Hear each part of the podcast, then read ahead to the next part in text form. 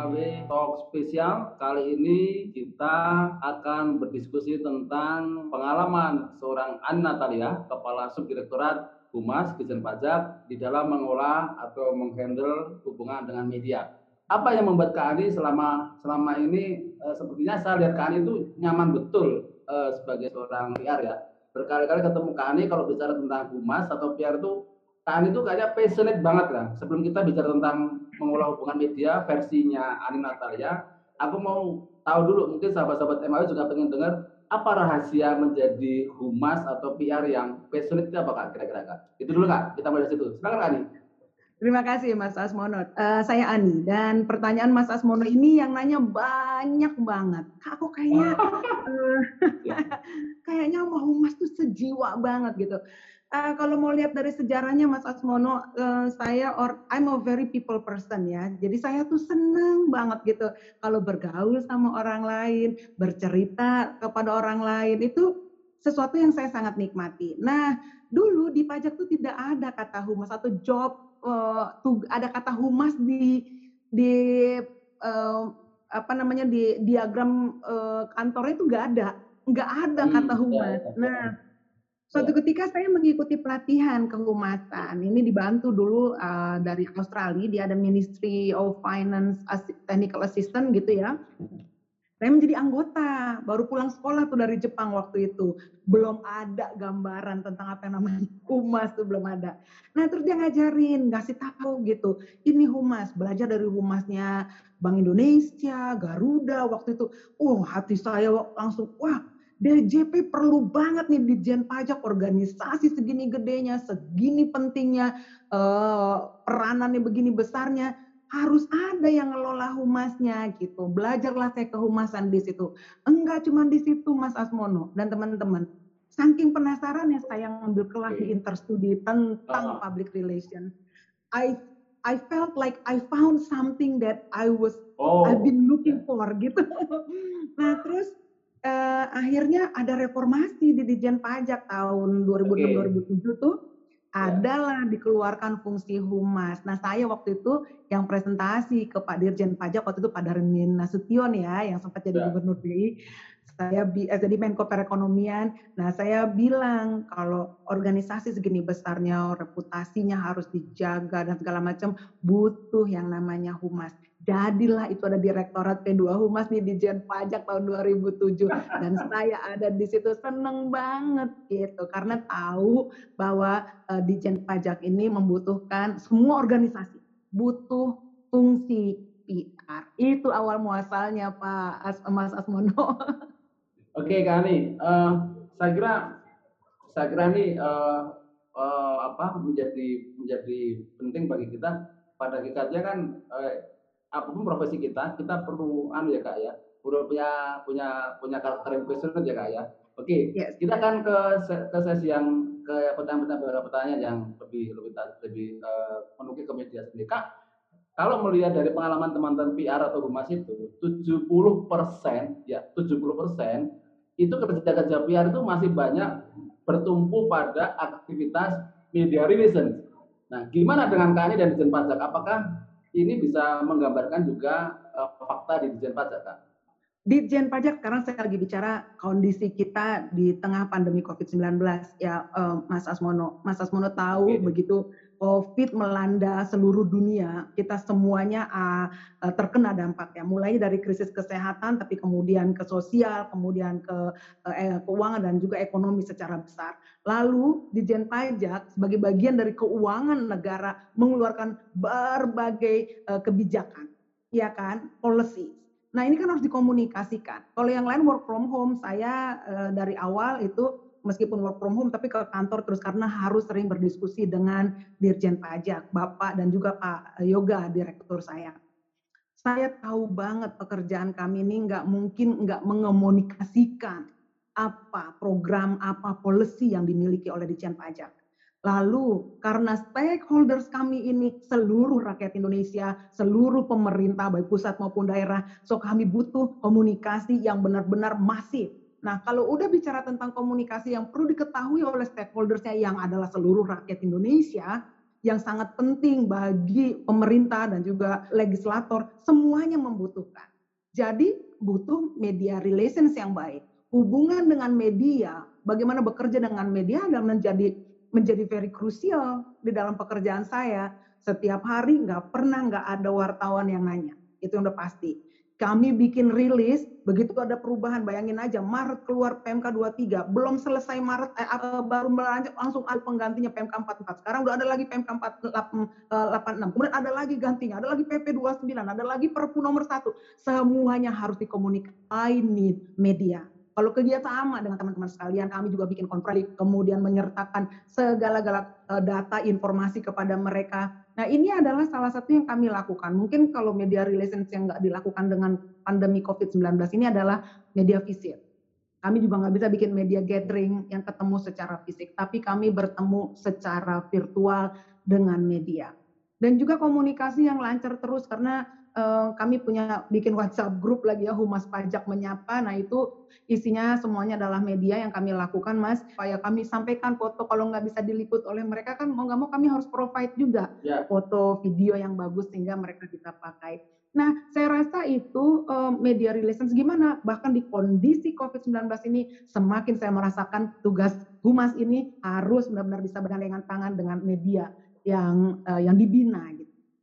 Hubungan okay. yang uh, benar-benar ditata, dikelola gitu. So uh, kalau Mas bilang 70% kita masih masih berkutat uh, pekerjaan dengan media sebagai PR, saya akan bilang tidak salah karena pekerjaan di sini juga kami menyiapkan segala macam apa apa pesan kunci belum apa apa kan. Jadi ya nggak yeah. salah. yeah. Oke kak, sahabat MAB di mana pun anda berada, anda masih bersama dengan Ani Natalia di dalam MAB Talk spesial sesi kedua sebuah cerita pengalaman Ani Natalia di dalam mengelola eh, hubungan dan media. Kak, eh, bagaimana caranya Anda, Kak Ani, pertama kali mengenal media itu gimana caranya? Bukan mengenal dalam arti masih eh, tahu ini, tapi cara mengenali entah itu kerja media atau mengenali eh, aktor-aktor media itu dulu bagaimana pertama kali ketika Kak Ani harus terlibat untuk mengolah hubungan dan media itu apa yang Kak Ani kenali pertama kali? Ya, waktu pertama kali ditunjuk jadi Kasubdit Humas, Direktorat Jenderal Pajak, tentunya kan saya langsung harus membuka diri dengan media. Awalnya karena belum kenal, nggak tahu, dan terus mungkin teman-teman juga tahu ya tahun 2010 dan kami mencoba untuk bangkit dari situ. Pertama membangkitkan semangat pegawai internal supaya mereka mau bangkit ya gara-gara ulah segelintir, tapi kami ya. semua mendapatkan uh, dampaknya gitu dan memperbaiki reputasi ini benar-benar butuh effort yang sangat luar biasa. Apalagi di awal-awal ketemu dengan teman-teman media begitu um dari Dijen Pajak tatapannya aja udah agak-agak enak gitu ya. Tapi saya bertekad they uh, mereka bekerja saya bekerja. Uh, mereka butuh sesuatu uh, saya punya sesuatu yang mereka butuhkan. Saya butuh sesuatu mereka memiliki uh, sesuatu yang saya butuhkan. So dari situ kita mulai coba. Dan apa yang saya lakukan pertama kali ini lucu banget Mas Asmono. Jadi saya nongkrong ya sama mereka Iya, uh, dengerin mereka di dalam ruangan. Awalnya belum iya. pengen kenalan, yang baru disapa aja mereka ngelihatnya tuh yang masih ai. Akan dari semua yang kumpul saat ini di dalam ruangan di press roomnya di Kementerian Keuangan waktu itu kebetulan di Kementerian Keuangan saya lihatnya. Saya perhatikan siapa yang paling sering ditanya sama teman-temannya atau siapa sih yang paling disegenin di antara mereka ini gitu saya lihat, nah inilah baru masuk. Saya duduk di sebelahnya, saya komunikasi, nanya, lebih kenal, tuker nomor telepon, minta ini, bikin segala macam, baru tuh terjalin. Nah setelah terjalin, saya pegang siapa yang paling mereka sering tanya dulu, habis itu nyebarnya gampang gitu. Begitu lama-lama kenal sama mereka, Kemudian ada program yang gede banget kan di Dijen Pajak waktu itu tax amnesty program. Yes, nah yes. di situ mereka mengenal saya lebih dekat lagi, uh, bekerja bareng sampai tengah malam sama mereka, melayani mereka uh, satu persatu ya uh, secara adil, fair. Awalnya dulu banyak media yang saya nggak pernah dengar medianya. Waktu okay. pertama masuk satu gitu mas nih, ini ya. media apa ya nggak pernah dengar gitu. Pelan, pelan, pelan, pelan itu kayak seleksi alam. kayak seleksi alam aja gitu. Yang yang media-media top tier pertama itu udah langsung gitu jadi temenan sama kita, kita eh, apa sharing bahkan sama infografis, data, informasi sepanjang bukan rahasia jabatan itu saya nggak pelit. Dan mungkin teknik komunikasi ya Mas Asmono ya, ini penting banget. Soalnya kadang-kadang nih dari teman-teman media, mereka bilang, aduh humas yang itu juteknya minta ampun, gitu. nah, terus yang itu yeah. kalau ditanya lama banget jawabnya, terus kalau dinin mukanya tuh kayaknya nggak happy sama wartawan. Jadi mereka juga nggak senang. Nah ini kan sesuatu yang harus yang bisa di-create gitu. Nah kalau saya beda, karena saya melihat mereka ini kan masih anak-anak muda banget ya rata-rata ya, kalau yang di lapangan tuh. Jadi ya saya anggap aja sebagai adik-adik yang kemudian saya kasih tahu, uh, pajak itu sebenarnya kayak apa sih gitu. Produk knowledge mereka harus dapat kan gitu. Nah ini pajak tuh kayak gini, kayak gini, kayak gini. Terus terus dibina sampai sekarang tuh udah nyaman banget bahkan di awal-awal banyak wartawan yang bilang belum pernah lapor SPT kalau sekarang pada rajin lapor SPT tuh wartawan-wartawan ekonomi ya oke okay, uh, eh, sahabat Emawi di mana pun anda berada anda masih bersama Ani Natalia Kasubdit Humas Dijen Pajak Republik Indonesia dalam Emawi Talk spesial edisi kedua. Pengalaman cerita pengalaman Ani Natalia berhadapan dengan media. Nah banyak cara dilakukan oleh teman-teman PR atau humas untuk mengenal media ya. Kita mulai dari situ eh, Teman-teman media, teman-teman humas atau PR sering kali ngajak istilah mereka kawan-kawan kita ini istilah teman-teman di PR ngopi, nongkrong, bareng, ngongki segala macam. Nah, apa yang muncul di dalam obrolan-obrolan ngopi-ngopi cantik itu? Apakah melulu cuman ngomongin pekerjaan atau ada hal-hal yang sifatnya cukup humanis gitu yang suka kami uh, obrolin dengan Eh, teman-teman uh, jurnalis itu, terutama yang di lapangan ya, apa saja kira-kira yang Anies suka lakukan? Apa hanya sekadar tadi sekali lagi hanya sekedar urusan-urusan bisnis kantor atau ada hal lain yang sifatnya uh, di luar itu uh, yang kira-kira bisa meningkatkan interaksi uh, profesional maupun humanisme dengan teman-teman jurnalis yang di lapangan. Silakan kak. Ya, uh, betul. Saya kadang-kadang uh, kita ada kangen-kangenan gitu. Eh, ngopi yuk Kak, ngopi yuk gitu sama teman-teman jurnalis. Dan aku seneng banget gitu. Yuk, yuk, yuk kita ngopi yuk. Dan nggak melulu ngomongin pajak, malah kita janjian nggak ngomong kerjaan ya, ngomong kerjaan ya gitu. Walaupun sih nggak bisa dihindarkan. Nanti ada aja nyerempet. Soalnya kan kesamaan antara mereka dan saya pastinya tentang pekerjaan kan gitu. Tapi kita juga bicara hal-hal humanis nah, yang ya. lainnya kita bicara kegiatan sosial, kita bicara tentang banyak hal lain-lain, tentang keluarga, tentang percintaan. boleh loh. Nanti kalau Mas Asmono mau bicara tentang percintaan sama saya juga boleh.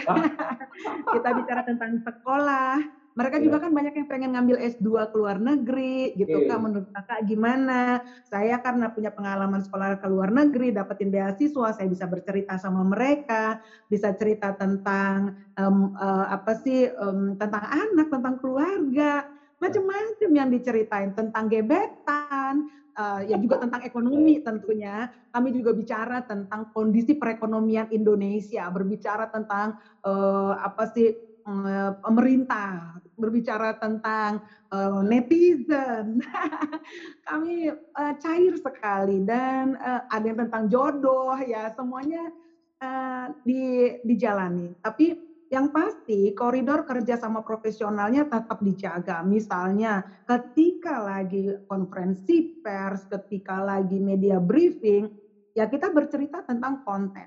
Kita tahu tempat, tahu tempat, tahu kondisi, situasi mereka juga kalau lagi uh, apa urusannya dengan uh, kantor, mereka juga sangat profesional. Tapi lain kalau lagi uh, informal, informal meeting dengan mereka tuh menyenangkan banget. Kita makan apa aja ya Indomie, ya bakso, tapi banyak yang diceritakan.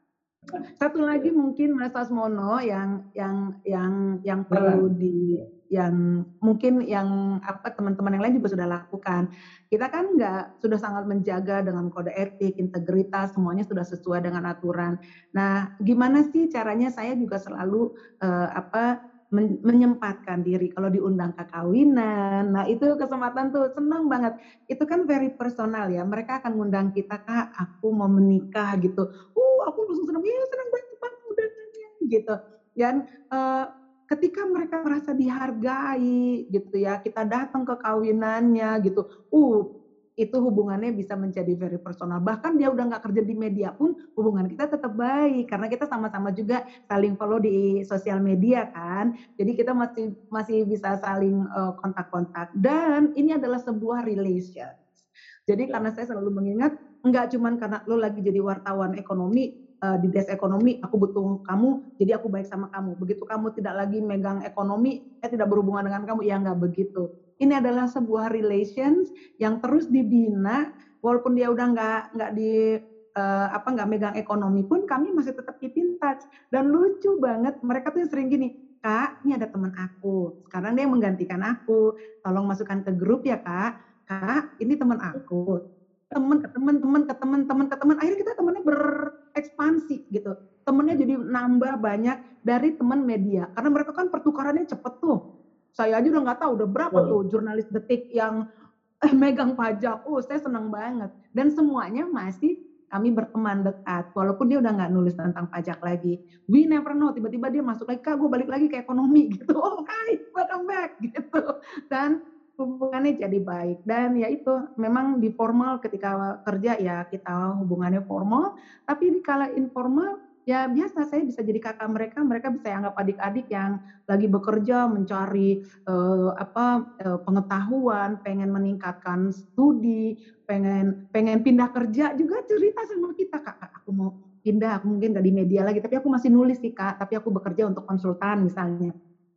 Aku happy aja karena tetap aja itu adalah sebuah lingkaran relations. Soalnya satu dia ngomong kita semua tahu ya kalau orang PR, orang PR adalah bukan orang sales semata-mata. Kalau saya bilang, hey saya sales, saya, saya menjual pajak nih, dari sales. Tapi kalau PR kan kita tahu bahwa orang lain yang akan menceritakan tentang produk kita kepada orang lain, itu baru PR-nya jalan. Nah saya selalu ingat teman-teman media ini networkingnya luar biasa. Hari ini dia di ekonomi, besok dia di politik, besok dia di hukum, itu bisa bisa muter dan inilah relations yang selalu saya tahu ketika mereka bilang ke temennya, eh kamu kontak aja humas pajak namanya ini, percaya deh tanya aja, nanti pasti beres kalau nanya sama dia. Itu adalah sebuah jaminan reputasi kalau menurut saya. Jadi seneng kalau misalnya, kak saya temennya ini dari media ini, sekarang saya megang di sini, saya mau nanya tentang pajak begini gimana kak? Itu saya seneng karena setiap kali ada media yang nanya ke saya, setiap ada satu jurnalis yang WA ke saya, baik itu dia nggak selalu jurnalis ya, kadang-kadang dia akun eksekutif, kadang-kadang dia cuma bagian yang uh, hubungin untuk jadi narasumber di TV gitu. Semuanya saya terima, mereka adalah orang media gitu. Nah itu ternyata hubungan itu uh, menjadi apa ya, nyampe gitu, mouth to mouth uh, conversation tuh akhirnya humas pajak deh, pokoknya ramah banget. Amin. Nah dari secara tidak sengaja yang yang kita mulai dari satu orang kemudian lempar tapi reputasinya dimulai dari situ. Nggak mungkin dia ya. mau nerima kalau kita kalau ketemu jutek terus dia nelpon nggak dibalas terus kamu siapa? Wah itu paling sebel itu kata dia. Kalau ditanya kamu siapa? Dari media apa? Mana? Kamu ini siapa? Siapa editornya? Dia sebel tuh kalau digituin. Ya. kalau saya sih enggak hai kak aku bagian booking, iya guest booker gitu. Oh hai, uh, bagaimana dek? Iya mau ngundang dirjen pajak kak, bisa nggak kak? Temanya apa? Pertanyaannya apa? Kapan jadwalnya? Apa yang mau diangkat? Nanti kakak coba carikan dengan dirjen pajak ya. Kalau dirjen yang nggak bisa boleh direktur nggak? Ya hubungannya kayak gitu. Mereka bilang mau banget kak, tolong gue kak, tolong ya kak. Deadline-nya hari ini. Ya kita coba semaksimal mungkin. Gitu sih Mas Asmono tadi very apa ya sebenarnya apa adanya gitu. Um, bagaimana mengelola saya tahu they need that they work saya juga bekerja mereka yeah. bekerja gimana kita jalin hubungan. Dan saya tahu nih kayak hari ini pagi ini tiba-tiba staff saya yang bagian monitoring berita bilang aduh kak hari ini 300 berita yang harus dianalisa. Saya langsung saya langsungin oh panen berita kita deh gitu satu rilis yang kita keluarin, apalagi kalau habis media briefing, oh besoknya yang tim monitoring tuh langsung ke bagian rezeki bisa 500-600 berita yang harus dianalisa tone positif atau negatif ya. ya, ya. Oke kak, uh, tentu setelah mengenal teman-teman jurnalis di lapangan, uh, ada kalanya kita sebagai PR juga perlu mengenal pemret atau minimal repel atau water. Kapan saat-saat kita sebagai PR harus mengenal sekali berpemret atau redaksi dalam pandangan Ani Natalia kapan kita harus mengenal itu dan untuk kepentingan apa kita mengenal eh, seorang pemirdaksi sebuah media selain mengenal teman-teman jurnalis yang sering ketemu di lapangan bersama kita silakan kan Iya, benar Mas Asmono kan. Jadi mereka juga ada jenjangannya gitu. Nah, kalau seandainya kita punya sebuah kebijakan yang butuh dukungan publik, kalau cuma ngomong sama yang di bawah, kadang-kadang bisa ada distorsi nih dengan atasan. Apalagi kalau atasan mereka tidak mendapatkan dari sumber utama tentang arah kebijakan ini, atau produk ini, atau program ini. Nah, kalau ada seperti itu, harus pertama kita pegang kepalanya dulu. Okay. Jadi begitu punya iya. sebuah program yang maha penting, yang harus diketahui oleh banyak dan membutuhkan dukungan dari semua pihak, kita minta izin dulu, menceritakan kepada para pimpinan redaksi bahwa kami akan mengeluarkan sebuah kebijakan namanya ini amnesti pajak. Amnesti pajak tuh ini, bagaimana kami cara melakukannya, berapa lama ini akan berjalan, semuanya akan diceritakan dari hati ke hati dengan pemretnya. Dan biasanya mereka juga mendapatkan dari nggak cuma dari satu ya Kementerian Keuangan tadi dapat dari Sri Mulyani, entah dapat dari Kominfo, dia dapat semuanya para pemretnya sehingga bekerja di bawah jadi jauh lebih um, apa ya lebih ringan karena ketika si jurnalis menceritakan ke atas itu udah sangat lebih enak juga di medianya jadi kapan kita harus ketemu? Dan biasanya kalau sama Pemret itu uh, levelnya juga diangkat. Jadi misalnya sekelasnya Ibu Menteri atau Pak Dirjen yang bertemu dengan Pemret, biasanya memang ada sudah diatur, dijadwalkan pertemuan dengan Pemret. Ya, kan nggak bisa juga. Tapi kalau seandainya tiba-tiba ada sesuatu yang extraordinary dan harus disampaikan, ya kita mengundang Pemretnya untuk bercerita ini yang akan terjadi, mohon untuk diketahui gitu. Kenapa kita butuh dukungan ini? Kenapa ini uh, apa uh, harus sangat uh, hati-hati dan apa sebenarnya latar belakang di balik program ini atau kebijakan ini itu dikasih tahu. Jadi me mengurangi pekerjaan kita di depan untuk harus saling mengoreksi-ngoreksi media gitu. Jadi itu sih selama ini yang kami lakukan Mas Asmonowi kan. Soalnya kalau enggak, kalau misalnya mereka tidak diedukasi, tidak dikasih tahu, tidak didengarkan sampai ke pimpinannya, akhirnya ketika salah kita ulang lagi hak jawab lagi. Kasihan juga ya gitu dewan pers gitu ya kan. Nah itu yang yang kami sangat uh, apa uh, pahami sehingga untuk menghindari pekerjaan bertambah di depan dengan memberikan hak jawab dan kawan-kawannya itu atau ngerepotin dewan pers gitu ya kami mencoba dari depan. Dan juga dengan sikap keterbukaan ini ternyata memberikan trust ya karena kita transparan. Ini yang kami lakukan dan kita dekat juga dengan para pemret sehingga membuat uh, hubungan jadi jauh lebih mudah dikelola kalau menurut saya. Tapi kalau seandainya kita juga uh, anti sama mereka, tidak memperkenalkan diri, kayak saya kan mau juga tuh membuat program media visit. Kalau tahun ini memang kami belum jalan karena COVID-19 ya. Itu memang mengantarkan pimpinan untuk bertemu dengan pimpinan media gitu, biar saling tahu. Jadi uh, apa ya? Uh, media juga jadinya mengenal, mengenal sosok pimpinan dari perusahaan ini atau instansi ini siapa. Begitu mereka sudah dari hati ke hati bertukaran uh, view, cara pandang, itu jauh lebih enak. Itu yang saya lakukan setiap ganti dirjen, saya langsung bawa ke media-media yang paling sering memberitakan pajak. Itu pasti saya bawa, Pak, kita ke sini. Pak, mohon izin kami jadwalkan kita ke Kompas misalnya. Kami jadwalkan kita ke grup Kompas, kita ke grup ini gitu. Itu uh, udah kita ajak gitu. Jadi bapaknya juga sadar harus ini. Iya, Pak. Bapak harus berkenalan dengan mereka. Mereka biar tahu siapa Dirjen Pajak dan apa cita-cita Bapak, visi Bapak. Jadi itu diajak dulu perkenalan. Begitu ganti dirjen, karena saya di sini udah beberapa kali ganti dirjen ya. Jadi selalu saya bawa tuh dirjen saya menemui yeah. media gitu. Soalnya kalau okay. enggak agak susah ya, kalau nggak kenal gitu.